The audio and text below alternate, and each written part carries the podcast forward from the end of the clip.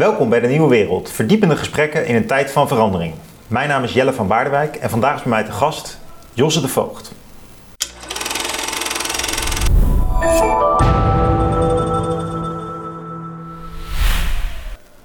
Josse, nou, je bent hier al vaker geweest. Leuk dat je hier eh, nu weer bent. Om hopelijk de verkiezingen een beetje beter te kunnen toelichten. Ik ken je natuurlijk van tv, maar uh, dan heb je maar een paar minuten. Uh, het is nu een week geleden en uh, ik ben wel benieuwd uh, hoe jij overal zo op terugkijkt. te beginnen maar eens gewoon bij de VVD, die toch weer herkozen is.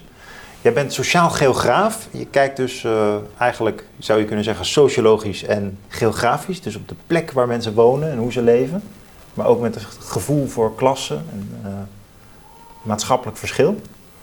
Is dat een beschrijving waar je kan vinden? Ja, ja formeel geen sociaal geograaf. Ik, ik heb een verzameling van allerlei studies bij elkaar, maar het is wel de hoek waar ik gewoon al heel lang uh, ja. werkzaam ben.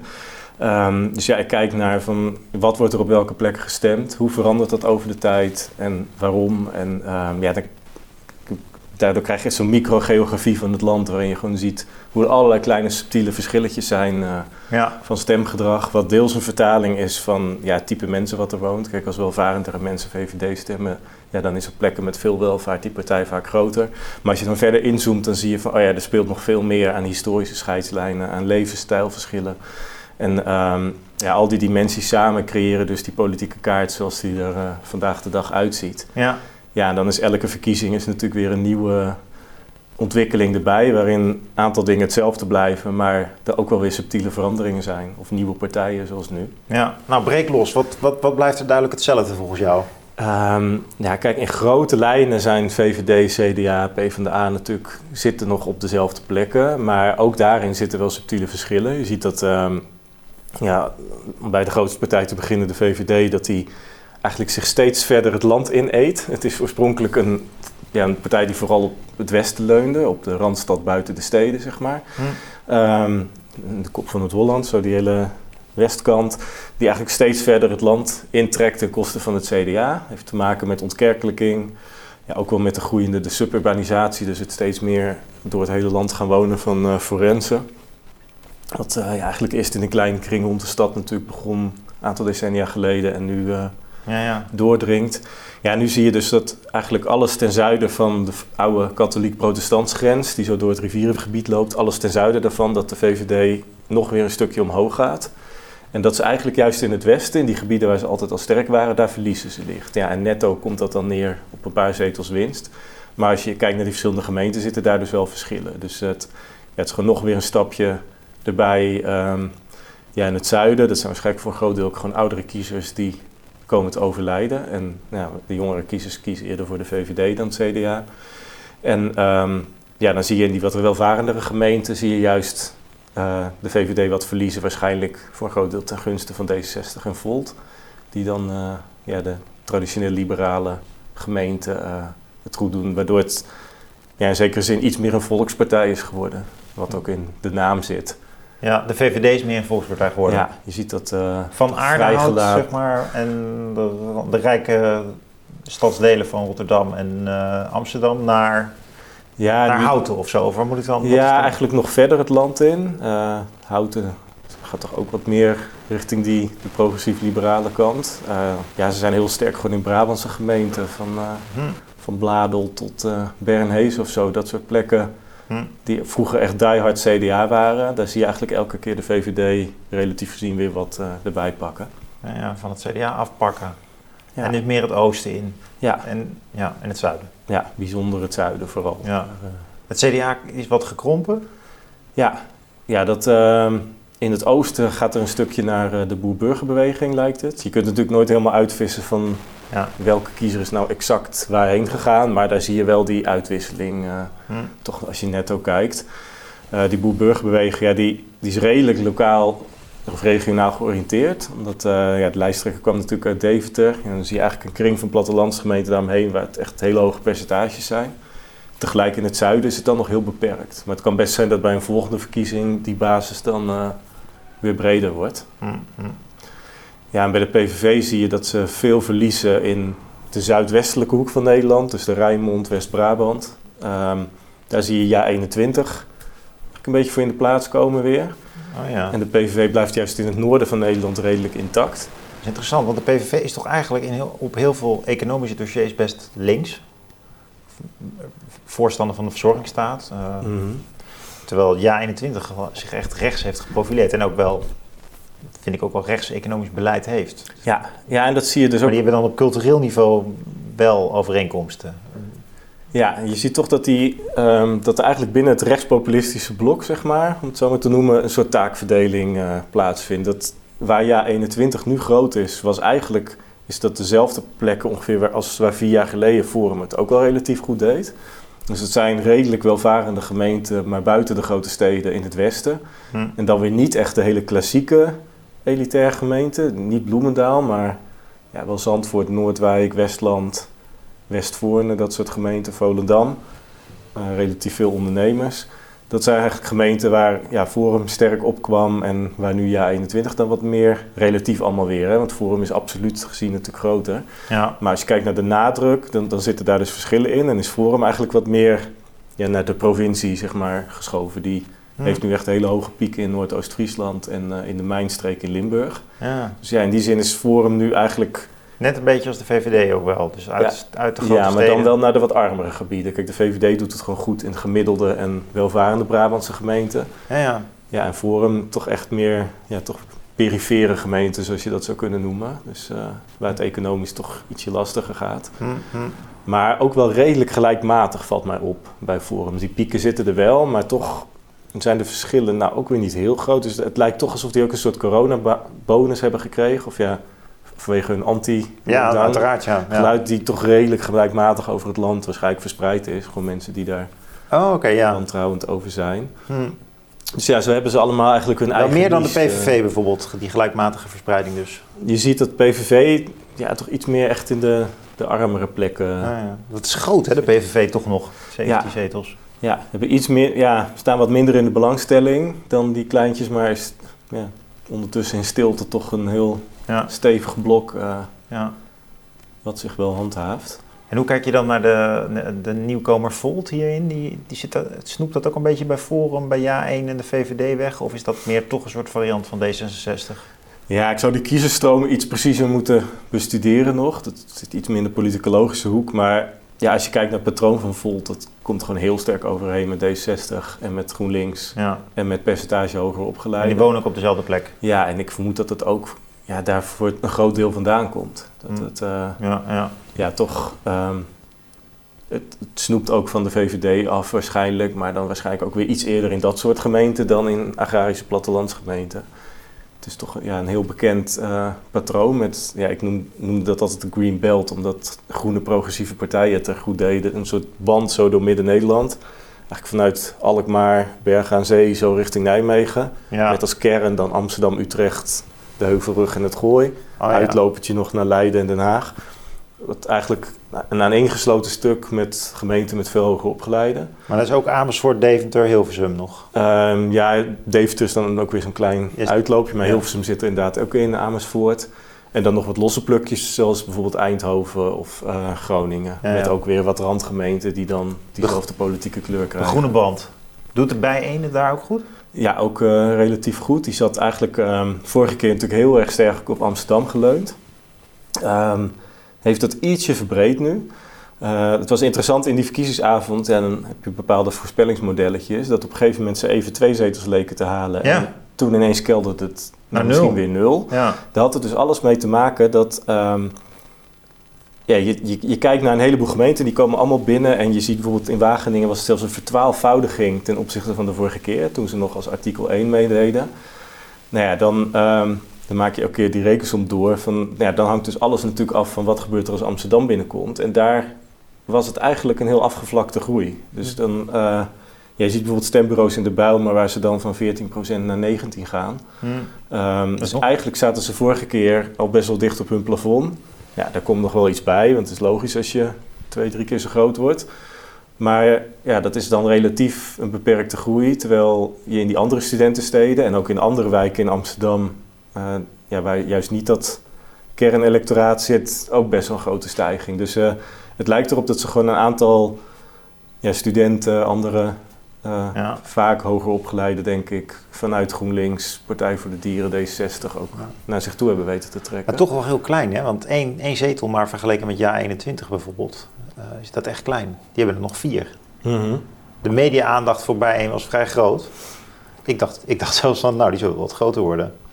Ja, het, is Dat- toch, het heeft natuurlijk alles te maken met waar zit de media, Ja. wat vindt de media interessant. Ja. Ik denk dat ze beide relatief veel aandacht hebben gekregen vergeleken met bijvoorbeeld een SP of een Partij voor de Dieren. Ja. Dat, dat, ja, het ongehoord Nederland is niet per se altijd de mensen van kleur of de rechtspopulisten. Dat wordt er heel gauw van gemaakt, omdat Hm. die zich natuurlijk daarop sterk georganiseerd hebben. Ehm, en ook sterk zichtbaar zijn, toch wel in die grote stad. Want je ziet toch ook binnen het rechtspopulisme weer van de, ja, de woordvoerders komen vaak toch ook weer uit Amsterdam en Rotterdam. En niet uit die gebieden in de periferie waar ze best wel veel stemmen krijgen. En ja, dat, de SP heeft minder zo'n groep die, die Ja. in dat wereldje Wat zit. kan je dat voor de SP nog eens schetsen van waar zitten die? Die zitten echt ja, meer in hun nadruk ligt op een soort van buitenring. Eh, ja, het is altijd van wat zijn de netste woorden ervoor. Hè? Provincie, regio, buitenring, periferie. Ja. Maar, ehm, ja, vooral veel in het van oudsher katholieke zuiden, maar ook wel in het oosten en noorden. Als je dan in het westen inzoomt, bijvoorbeeld ook wel in de voormalige groeikernen, zoals het dan heet. Dus Zoetermeer, eh Purmerend, Spijkenisse. Hm. Dus met een ja, toch iets meer lagere middenklasse. Eh, sommige oude buurten in de grote steden ook nog wel. Maar de nadruk ligt toch, ligt toch echt wel naar die buitenring en dan vooral naar industriële gebieden. Dus eh, Ja, ja. Helmond, Roosendaal, dat soort middelgrote plaatsen. En de, P, en de PvdA zit daar ook? Of is, Vooral in het noorden van oudsher. Dat, dat is al Oh. ja, sinds het bestaan is dat een soort van kern. Dat eh, ja, van oudsher het onkerkelijke platteland, zeg maar. hm. Eh, je ziet alleen wel dat het lijkt heel erg te leunen op ouderen. Dus de vraag is hoe lang duurt dat nog? Ja, daarnaast ook wel de steden en ja. wat gebieden daaromheen met relatief iets welvarendere bevolking. In het zuiden eigenlijk relatief weinig. Beetje nu, door, dankzij Ploemen, zie je daar zo'n kringetje rond Maastricht dan. Maar, ehm, het interessante van deze verkiezingen is, die uitslag per stembureau die is natuurlijk een beetje verstoord. Omdat mensen op andere dagen mochten stemmen. Niet alle stembureaus waren toen open en mensen mochten met per brief stemmen. Ja, dat zijn natuurlijk, is een bepaalde groep geweest die per brief heeft gestemd. Dus dat vertroebelt de uitslag. En tegelijk levert het ook wel heel interessant materiaal op. Want wat zie je bijvoorbeeld? Neem een gemeente als Midden-Groningen. Ehm, er is vanochtend een mooie kaart verschenen van Pointer, van Caro NCV. Die hebben een kaart per stembureau. Nou, dan klik je dus, dan zie je dus ook die briefstembureaus. Dat zijn dan wat dikkere bollen, want er zijn veel stemmen ingeleverd. En die hebben een totaal andere uitslag dan de rest van de stembureaus. Dan heb je bijvoorbeeld in Midden-Groningen 24% PvdA op dat eh briefstembureau. Ja, ja.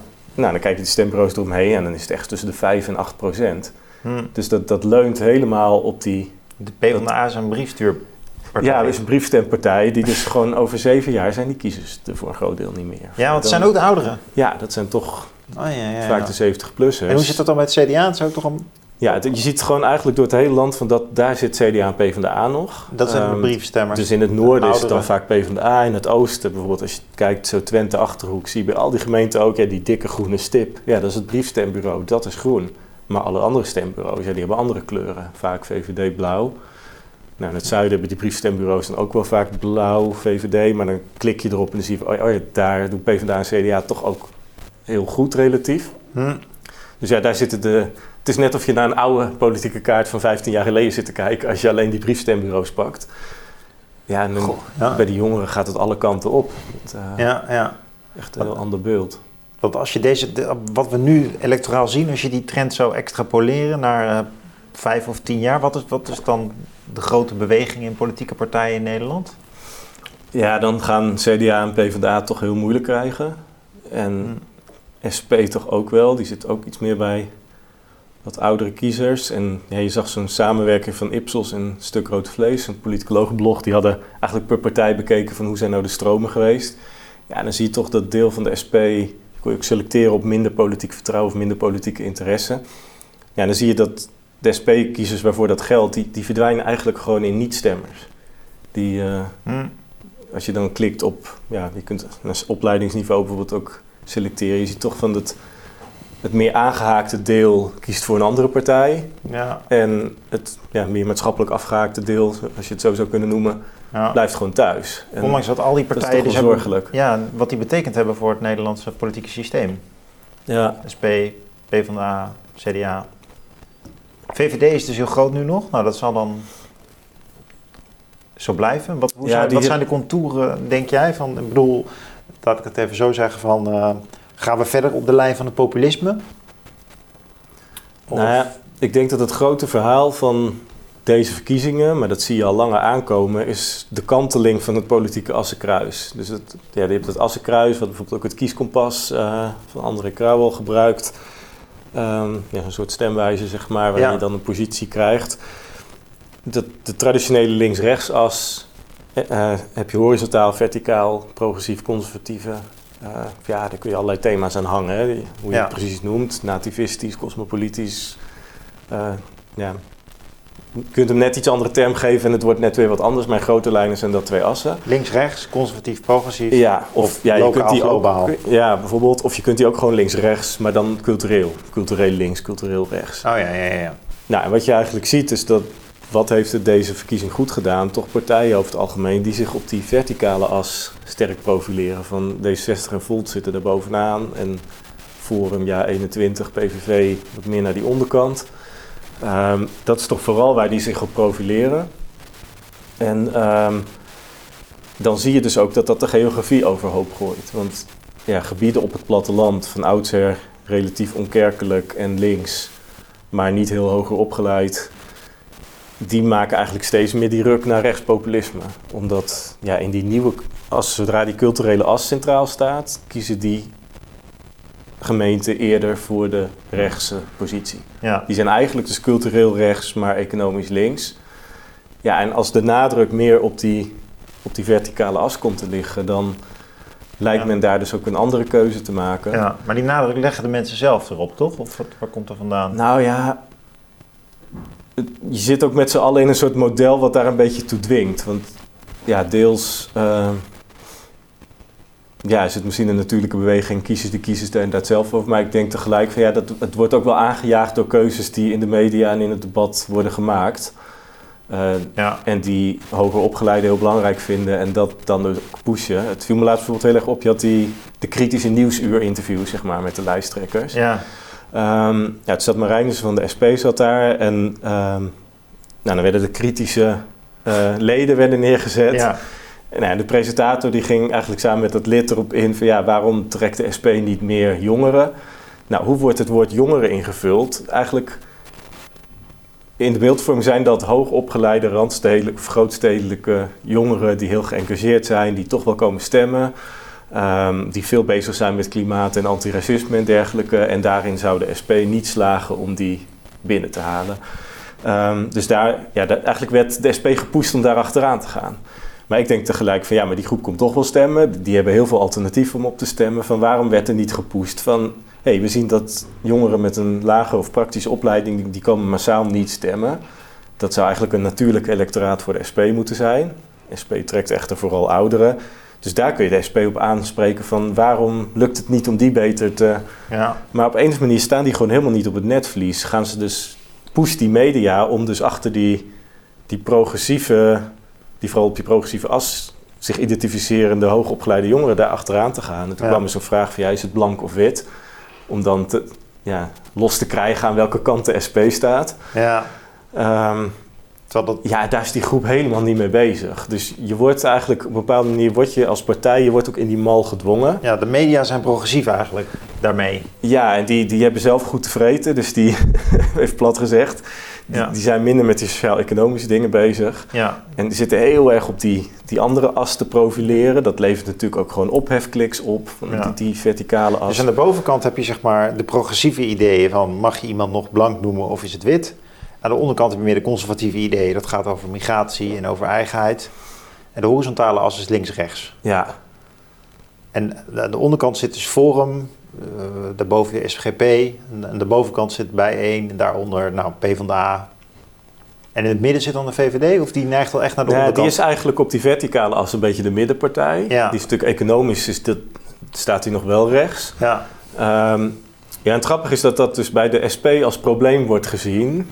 Eh, bij de SP wordt het eigenlijk geformuleerd. ehm, de SP heeft een probleem, want die kan zich op die nieuwe as niet profileren. Ehm, ja, de helft van de kiezers wil eigenlijk een strenger migratiebeleid en de andere helft een soepeler. En ja, eigenlijk geldt dat voor de VVD ook, maar die, op een of andere manier weet hij dat wel te binden. En het grappige is dus ook dat je niet wordt, het wordt eigenlijk niet gepikt dat je daarin dan een middenpartij bent. De, de SP wordt toch een beetje gepoest daarin partij te kiezen. Ja, ja. Terwijl op de economische as mag je wel gewoon een middenpartij zijn. Van D60 wordt nooit tegen gezegd. Jullie weten ook niet wat jullie willen. Um, kies eens even voor rechts of links of zo. Op een of andere manier ja, ja. glijdt dat meer van ze af. En wordt het bij de SP als een probleem gezien. Terwijl ik denk dat de SP gezien. die eigenlijk gewoon daarmee prima de Nederlandse bevolking vertegenwoordigt. Want ja, volgens mij heeft hij toch een redelijk gematigde, twijfelende positie daarover. Maar het hele maatschappelijke debat dwingt van aan welke kant sta jij? En dat, Ja, dat zit in dat politieke krachtenveld. Dat, dat is ook gewoon in gesprekken met mensen op de universiteiten. Hoe hoger opgeleiden onderling met elkaar daarover ook praten. Van, ja, zodra je iets begrip voor die andere kant, dan ben je al helemaal verkeerd. Of zo. Het is gewoon een veel gevoeliger thema dan die links-rechts as. Want dat, daar zijn je belangen duidelijk. Ja, jij hebt meer geld, jij wil graag minder belasting betalen. Jij bent arm en jij wil graag wat meer sociale voorzieningen. Je kun je het niet mee eens zien, maar je, je, je begrijpt dat die ander ehm, ja. dat andere standpunt heeft. En je kunt dat soort van uitruilen en op een middel uit, een Ja. gemiddeld uitkomen. Ja. En dat ander is een soort van morele as. Van die ander, ja, die, die, die heeft het gewoon echt verkeerd of zo. Dus dat is veel moeilijker daarin eh, bij elkaar te komen. Ja, eigenlijk wel heftig dus dat die medialogica zo dat kruis niet doorheeft. En dus inzet op een identitaire ethiek en economische vraagstukken daarmee per ongeluk over het hoofd ziet. Ja, het is gewoon eh, Ja, per ongeluk. ja, wat die groep... Ik weet niet of het heel bewust daarop aangestuurd wordt, maar als die groep daar gewoon meer mee bezig is, ja, dat zijpelt gewoon door. En Ja, ja, Plus dat ook gewoon. ehm, dat is ook echt een geografisch verhaal. Dat op de ene plek lijken ook andere dingen belangrijk dan op de andere.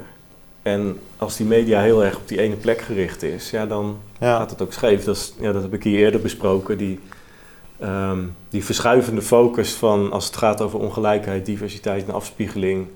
Dat het eigenlijk heel weinig over sociaal-economische verschillen gaat en heel erg over kleur. ja. In Amsterdam valt dat ook samen met elkaar. Dus lijkt het heel logisch achterstand ja. langs die etnische lijnen zeg maar, te bespreken. Ja, en dat slaat gewoon de plank mis in Stadskanaal of Heerlen. En, ehm, want daar, ja, Ja, daar is dat niet de logica. daar heb je ook een grote autochtone onderklasse. Ja, vanuit daar is dat gewoon frustrerend te zien. Dat die, Ja, dat in de media wel steeds weer de identiteit van de niet-westerse migratieachtergrond wordt uitvergroot. ja, Terwijl die natuurlijk in, het is wel reëel dat het in Amsterdam en in Den Haag en Rotterdam en Utrecht speelt. Dus ja, dat dat is is, lastig. gewoon zeker een factor. Alleen ja, je moet het in een soort van demografisch perspectief zien. Van, dat is een Ja. stukje Nederland, die andere realiteit bestaat ook. Ja. En, ja, zorgen dat het allemaal aan bod komt. ja. En, en hoe kijk jij nou naar, de- hoe denk jij dat het politieke systeem over tien jaar eruit ziet? Welke partijen zijn dan groot geworden, dit, dit, dit meegerekend? Dus de SP, de PvdA en de CDA zijn eh, kleiner geworden, spijtig genoeg eigenlijk. En dat zal iets te maken hebben met, dat zijn gewoon ouderen die erop stemmen. En, Ja, dat kan natuurlijk wel gaan jojo. Hè. Het is al vaker ja, doodverklaard en weer teruggekomen. Ja, ja, die hele shock van 2002, waar dan toch CDA. het CDA weer... na paars terugkwam. opstaan, ja. Dus ja, je, het is heel moeilijk niet. voorspellen. Van Ja. Het he- hangt natuurlijk ook gewoon van de waan van de dag en blunders van politici en dergelijke af. Maar ja, de trend is nu wel dat die partijen het gewoon moeilijk hebben. Ja, dat heeft ook met die kanteling van die as te Ja. maken. Heeft te maken ook met ontkerkelijking. En tegelijk, ja, wie nog wel kerkelijk is, toch ja. eerder bij ChristenUnie en SGP. Maar zijn de extreme, het lijkt er nu op dat de extreme stemmen winnen, aandacht winnen in ieder geval. Mhm. Dus is dat, zet die, zal die trend doorzetten, denk je? Of het lijkt er ook op dat eh, in ieder geval de PvdA en CDA waren ook middenmotors. Ja, Eh ja, rechts-midden, oké. PvdA meer midden-midden. Mhm. Ja, het kan zijn dat er op die nieuwe assen natuurlijk ook middenpartijen gaan ontstaan. Dat zijn nu een soort van uiterste tegenover elkaar. Ja, Als Ja21 erin slaagt een gematigdere versie van Forum te zijn, ja, wie weet groeit dat dan ooit uit naar ja, ja, de gematigdere rechtse variant op de nieuwe as of zo. ja. Het is natuurlijk... eh, Dus dan krijg je een soort links-radicaal spoor, rechts-radicaal spoor. Dus Forum versus bij. Ja, kijk, bij één is het natuurlijk niet echt heel groot. Hè? Eh, Nee, nee. Die zijn inderdaad heel, op alle vlakken heel consequent links. Maar eigenlijk is D60 natuurlijk veel groter. Dus wel progressief, Ja, ja, woke neoliberaal wordt wel eens als een beetje half grappende term genoemd. Van ja, wel eigenlijk die, die issues rond gender en etniciteit overnemen, maar niet ja, een soort van klasseanalyse erachter. Wordt een soort van ja, bijna selectief soms ingeshopt, ja, denk ja. ik wel eens. En ja, dat je eigenlijk dat krijgt tegenover een meer conservatief blok, die eigenlijk economisch gezien de links-rechts als niet eens zo heel sterk van elkaar eh, verschillen. Ik vond de term eh, Oost-Europeanisering van het politieke landschap van André Krauw wel wel treffend. Dat je eigenlijk, ja, ja. wat je bijvoorbeeld in Polen ziet, daar is die hele links-rechts-as is eigenlijk gewoon verdampt. Je hebt een, ja, een groot blok, wat eigenlijk een ratje toe van ja, centrum-rechts, maar eigenlijk de linkse kiezers zijn daar ook bij aangesloten. Wat wat liberaler is versus een conservatief-populistisch blok. Ja, ja, dus niet de economische agenda, maar wel de identitaire agenda. Ja, waarin dat dan Volgen. dat economische wel een beetje zit van een meer nationalistische of eh, internationale koers. Maar niet meer zozeer van de oude links-rechts over eh, Solidariteit. herverdeling, verzorgingsstaat. eh, Hm, hm, hm. Meer ja, dat men verschilt over op welk schaalniveau ga je dat doen. Ja, ja, ja, ja. Ja, en eigenlijk zie je dat Frankrijk, dat natuurlijk met Macron en Le Pen bij de laatste presidentsverkiezingen ook al in die, helemaal in die nieuwe koers zat. En ja, dat zie je dan ook in de geografie terug. Van traditioneel linkse en rechtse gebieden worden gewoon helemaal door elkaar gehusseld. Van, waarbij eigenlijk de, de rijke wijken van Parijs, die altijd al rechts waren, en de arme wijken die altijd links waren, hebben allebei voor Macron gestemd. Hm. En het links- en rechts platteland allebei voor Le Pen. Dus je ziet gewoon een hersortering die zich ook ruimtelijk voordoet van bloeiende steden en krimpend platteland. Ja, dat zie je in Polen ook. Ja. Eh, Ons voorland. Dus volgens Ja. André Krauwel althans dan. daar lijkt het wel op dat het meer die kant op gaat. Je weet Ja. nooit voor hoe lang. Je Ja, kunt niet in de toekomst kijken, maar als je toch kijkt verkiezing na verkiezing. ja. Ja, eigenlijk dan weer met 2012 was er weer een beetje een uitzondering op. Dus het is ook niet...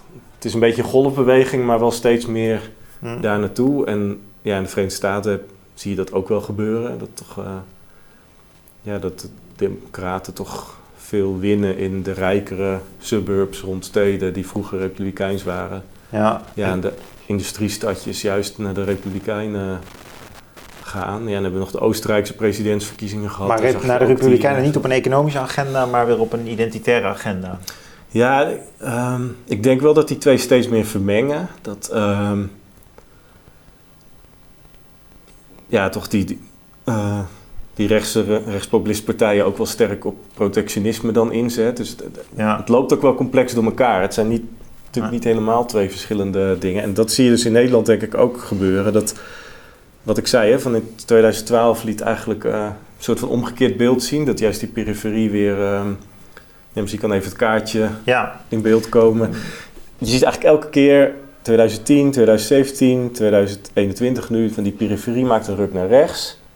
Nou, in 2012 was het een keertje andersom. Toen lag de nadruk in de verkiezingen heel erg op economische factoren. En dan zie je eigenlijk die periferie maakt juist de ruk naar links. Ehm, Dat, kwam door de, dat kwam door de financiële crisis. in ja, het ging heel veel 2008. over herverdeling, nivellering, zorg met Ja, ja. Samson versus Rutte. Ehm, dus eigenlijk zit daar, lijkt daar een soort links-conservatief gat te zitten. Nou, en wat je ziet is, er is een groep kiezers die moet altijd per verkiezing kiezen, omdat er niet zoveel links-conservatieve partijen zijn, van wat laten ze prevaleren. Hun economisch links zijn of hun cultureel rechts zijn. Ehm, ik denk wel dat de laatste jaren dat dat meer met elkaar op een complexe manier is gaan vermengen. Dat ehm, als ik kijk wat er gebeurt in de hoek van PvdA, GroenLinks, D66 en de universiteiten, zie je dat ze sociaal-economische thema's ook meer langs die culturele lijn gaan Ja. benaderen. Dat is dus die, ehm, dat armoede meer als een, iets, een etnisch probleem dan een klassenprobleem wordt gezien. Nou, daartegenover zie je dat die verandering aan de rechtspopulistische kant ook. Van eh, bijvoorbeeld het hele conflict over wonen en statushouders. Van, eh, ja, die gaan nu opkomen voor de, de autochtone woningzoeker door de eh, asielzoeker te weren. Dus dan zie je eigenlijk ook een vermenging van Ja. wij komen op voor jullie positie, maar dan niet meer met de nadruk op meer huizen of lagere kosten, maar Meer immigranten. zorgen dat het alleen voor jullie beschikbaar is, zeg maar. Dus je ziet dat sociaal-economische thema's nu ook op die manier. Dus dat het niet meer per se Ja, dat is mooi gezegd. sociaal-economisch links, rechts, sociaal-cultureel links, rechts. Ja, maar alles wordt daarna ingericht. Het wordt een beetje van, ja, ben jij... Hoor je bij een kwetsbare groep die de progressieven veel mee bezig zijn, dan kun je beter dat stemmen. Hoor je bij een groep die, waar niet zoveel aandacht voor is in die hoek, dan kun je dus ook beter het andere stemmen. En ja, dat is best wel een gevaarlijk iets. Van, dat je eigenlijk toch een beetje de, de witte onderklasse daarmee ook naar de populisten jaagt. Dat ik Ja. hoor vaak in, ja, in mijn eigen linkse progressieve bubbel zeg maar, de opmerking van... waarom stemmen die mensen nou tegen hun eigen belang? Nou ja, dat, dat was altijd inderdaad ook het geval dat ze dat deden. Als ze kozen voor de culturele lijn... moesten ze eigenlijk economisch tegen hun eigen belang stemmen. Ja, maar dat is niet meer zo. Maar op het moment dat deze dingen met elkaar gaan vermengen... is dat eigenlijk niet meer een stem tegen hun eigen belang. Want Nee. ehm, op het moment dat jij een achterstand hebt... die in dat diversiteitsdebat van progressief links niet meedoet... en je eigenlijk alleen maar weggequotaat wordt... ja, misschien wordt dan langzamerhand die andere kant... niet meer per se ook economisch tegen je eigen belang... Ehm, ik denk wel dat, dat een PVV zich in die zin sociaal-economisch linkser voordoet dan ze eigenlijk zijn. Maar je ziet wel duidelijk dat ze in hun retoriek Ja. die, die hoek gewoon gaan pakken. En dat dus voor die kiezer die dus twijfelt van... goh, ga ik voor die culturele as of de economische as? Ja, de Ja. PVV lijkt nu voor die groep een sociaal-economisch veilige, relatief linkse keuze. Dus die ga je ook heel moeilijk nog terughalen Ja, als links, ja. denk ik. Hoe kijk jij nou naar zo, zo iemand als Omtzigt nu? Van wat, die, die lijkt een ho- hoop mensen uit het hele land te kunnen binden. Nou, stel dat die een eigen beweging zou beginnen. Het- het- Past die niet op een hele mooie manier in het midden van het kruis? Gewoon een open vraag hoor. Ja, ik denk dat die een heel groot gat daartussen kan. eh, ja, als je toch even vanuit het Assenkruis denkt, dan Ja. staan al die partijen in een grote kring. En de meeste kiezers zitten daar ergens in het midden. Eigenlijk net iets linksonder zit veel massa. Dus Ja. een beetje Ah, ja. conservatief, klein beetje links. Maar eigenlijk ja, niet zo links als een SP, maar ook weer niet zo rechts als een Ja. CDA, VVD, PVV. Nou, En- cultureel vrij conservatief. En Ja. Opkomen voor de rechtsstaat. En ja, en vooral de echt, boel. echt het liberale ook daarmee. worden. Ja, Opkomen voor de criticus. Maar ook voor de mensen in de problemen, in de bijstand, de toeslagenaffaire. Dus een hele gek- gekke mix heeft hij van, Ja. van, eh, van een solidaire en een liberale agenda. ja, En, en echt een volks, potentiële volkspartij. Ja, ja, het is natuurlijk de vraag, krijg je zoiets georganiseerd? Ja, hè? tuurlijk, Want Dan dat moet ook je energie daarin, terwijl hij heel erg van de inhoud is. Maar in theorie, zijn geluid is volgens mij iets wat heel erg groot zou kunnen worden. En Ja. ook gewoon het hele land op die politieke kaart zou kunnen opvegen. Hm, Op hm. een paar steden na. Dat is gewoon, ja, in zekere zin, de, bij lokale verkiezingen winnen die lokale partijen natuurlijk opgeteld al heel lang met overmacht.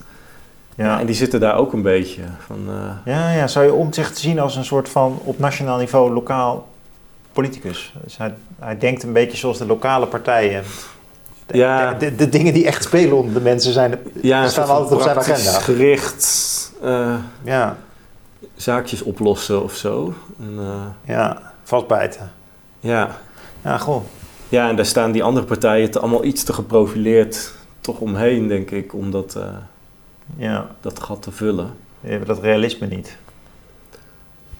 Ja, eh, misschien ook niet, niet altijd evenveel feeling of zo met... eh, Ja, ja, verschilt ook weer per partij. Ik denk dat een SP wel heel veel feeling heeft met dergelijke problemen, maar toch voor veel mensen het economisch dan toch te ver naar de linkerkant zit. Voor toch ja, een best wel Calvinistisch ingesteld land. Qua. Eh, ja, toch erg op de zuinigheid en het moet allemaal een beetje gematigd. ja, ja. Ehm, ja, en dan is eigenlijk de VVD daar economisch weer te rechts voor. Nou ja, ze zijn ze hebben nu het grootste electoraat, het grootste deel. Maar Ja. uiteindelijk vergeleken met de jaren 90 is het natuurlijk nog minimaal. Wat ze, Ja, het is natuurlijk het is een, natuurlijk een, een kleine grootste partij Ja. nog steeds. Dat, Ja, ja. Als je het nou internationaal beziet, je zei al even, dit is een soort van Oost-Europeanisering van de Nederlandse politiek. En je vergeleek het al met Frankrijk. En, maar, kun je nog eens zo'n vergelijking maken? Waar, lijkt het op wat er in België gebeurt of in Engeland gebeurt? ja, als je, je ziet het bij de Brexit ook dat het. Ja, eh, daar een dubbeltje op zijn kant geweest natuurlijk. Ja, ook die. Daar is natuurlijk iets andere verhouding. Hè. Daar was het dan 50-50. Hier Ja, is natuurlijk nog lang geen meerderheid. Eh, maar ook daar zie je diezelfde geografische verandering van uh, ja, toch de welvarende steden, welvarend omringend platteland. Het een was links, het ander was rechts, maar het stemt samen voor Remain. En omgekeerd ja, ja. stemmen plattelandsgebieden, of ze nou rechts of links waren. In ieder geval, ja, de wat armere linkse gebieden plus conservatief platteland stemt samen voor de brexit. Dus dat is ook weer die hersortering. En ja, die zie je ook natuurlijk nu in de verhouding tussen de twee partijen daar. Ja, die, zijn, die twee partijen zijn ook aan het veranderen naar meer die nieuwe tegenstelling. Dus daar, daar doet het zich niet zozeer voor via nieuwe partijen, maar ja, de huidige partijen die, die veranderen van karakter. Ja. Dat uh, de conservatieven gewoon dat, dat de Brexit-geografie aan het overnemen zijn. Ja. zo wordt het eigenlijk overal uh, hergesorteerd. Ja, in de, no in de Noord Nordics, dus Denemarken, Zweden, Noorwegen. Ook Zie je het ook gebeuren. Ja, het interessante is eigenlijk van elk land heeft zijn eigen unieke uh, electorale geografie, zeg maar. Um, maar het grappige is dat dit soort processen daar vrij universeel doorheen gaan. Want, ja, dat is ongelooflijk. in Nederland was natuurlijk Amsterdam altijd al een linkse stad en het ommeland wat rechtser. Eigenlijk was dat in Zweden andersom. Dus de, de, steden eigenlijk rechtser dan het platteland. Ja, en toch zie je dan dat die van oudsher linkse en rechtse steden uiteindelijk allebei nu in de progressieve hoek terechtkomen. En dat platteland naar het rechtspopulisme meer gaat. Ja, ja, dus dat vanuit die andere achtergrond je uiteindelijk diezelfde uitkomsten gaat krijgen. Ja, en eigenlijk land voor land gaat het daar naartoe. Van bij Spanje leek het heel lang nog niet te gebeuren, maar ja, daar zie je het nou ook. Uh, ja. Diezelfde transitie toch wel op gang komen. Dus een belangrijke. een soort wereldwijde. Herschikking van, op de as van centrum en periferie. Qua ruimte. Ja, dat, uh, hangt natuurlijk veel samen met economische veranderingen ook. Dat, dat die steden gewoon opbloeien in een wereldwijd uh, handelsnetwerk. En dat ja, de mensen met veel kennis die trekken naar die steden, die blijven er vaak ook, terwijl ze vroeger vaak weer terugtrokken. Ja. Dus het, ja, in die zin wordt die opleidingskloof um, deels welvaart, ook weer niet helemaal, hè, want er zijn ook wel veel mensen met wat hogere opleiding die helemaal niet veel verdienen in die stad. En natuurlijk ook veel mensen met een migratieachtergrond niet zoveel. Maar het is vooral een soort mobiele wereld tegen een meer honkvaste wereld die ja, ja. tegenover elkaar staan. Met daarbinnen ook weer hun inkomensverschillen. Maar gewoon echt een andere oriëntatie. Uh. Ja, lokaal, internationaal, los vast. Hey Jos, we hebben al wat kaartjes uh, gepresenteerd aan de kijkers. Is er tot slot nog uh, een mooi kaartje wat je wilde delen, wat we nog misschien niet besproken hebben? Ja, ik heb dit kaartje nog uh, gemaakt waarin je ziet op de linkerkaart is de gewone kaart van Nederland. Rechts heb ik hem vervormd naar inwonertal. Dat vind ik altijd een wat eerlijker beeld geven. Hè? Van, ja. ja. die steden wonen natuurlijk meer mensen dan dat kleine stukje land doet vermoeden. En andersom, sommige plattelandsgebieden zijn heel dun bevolkt.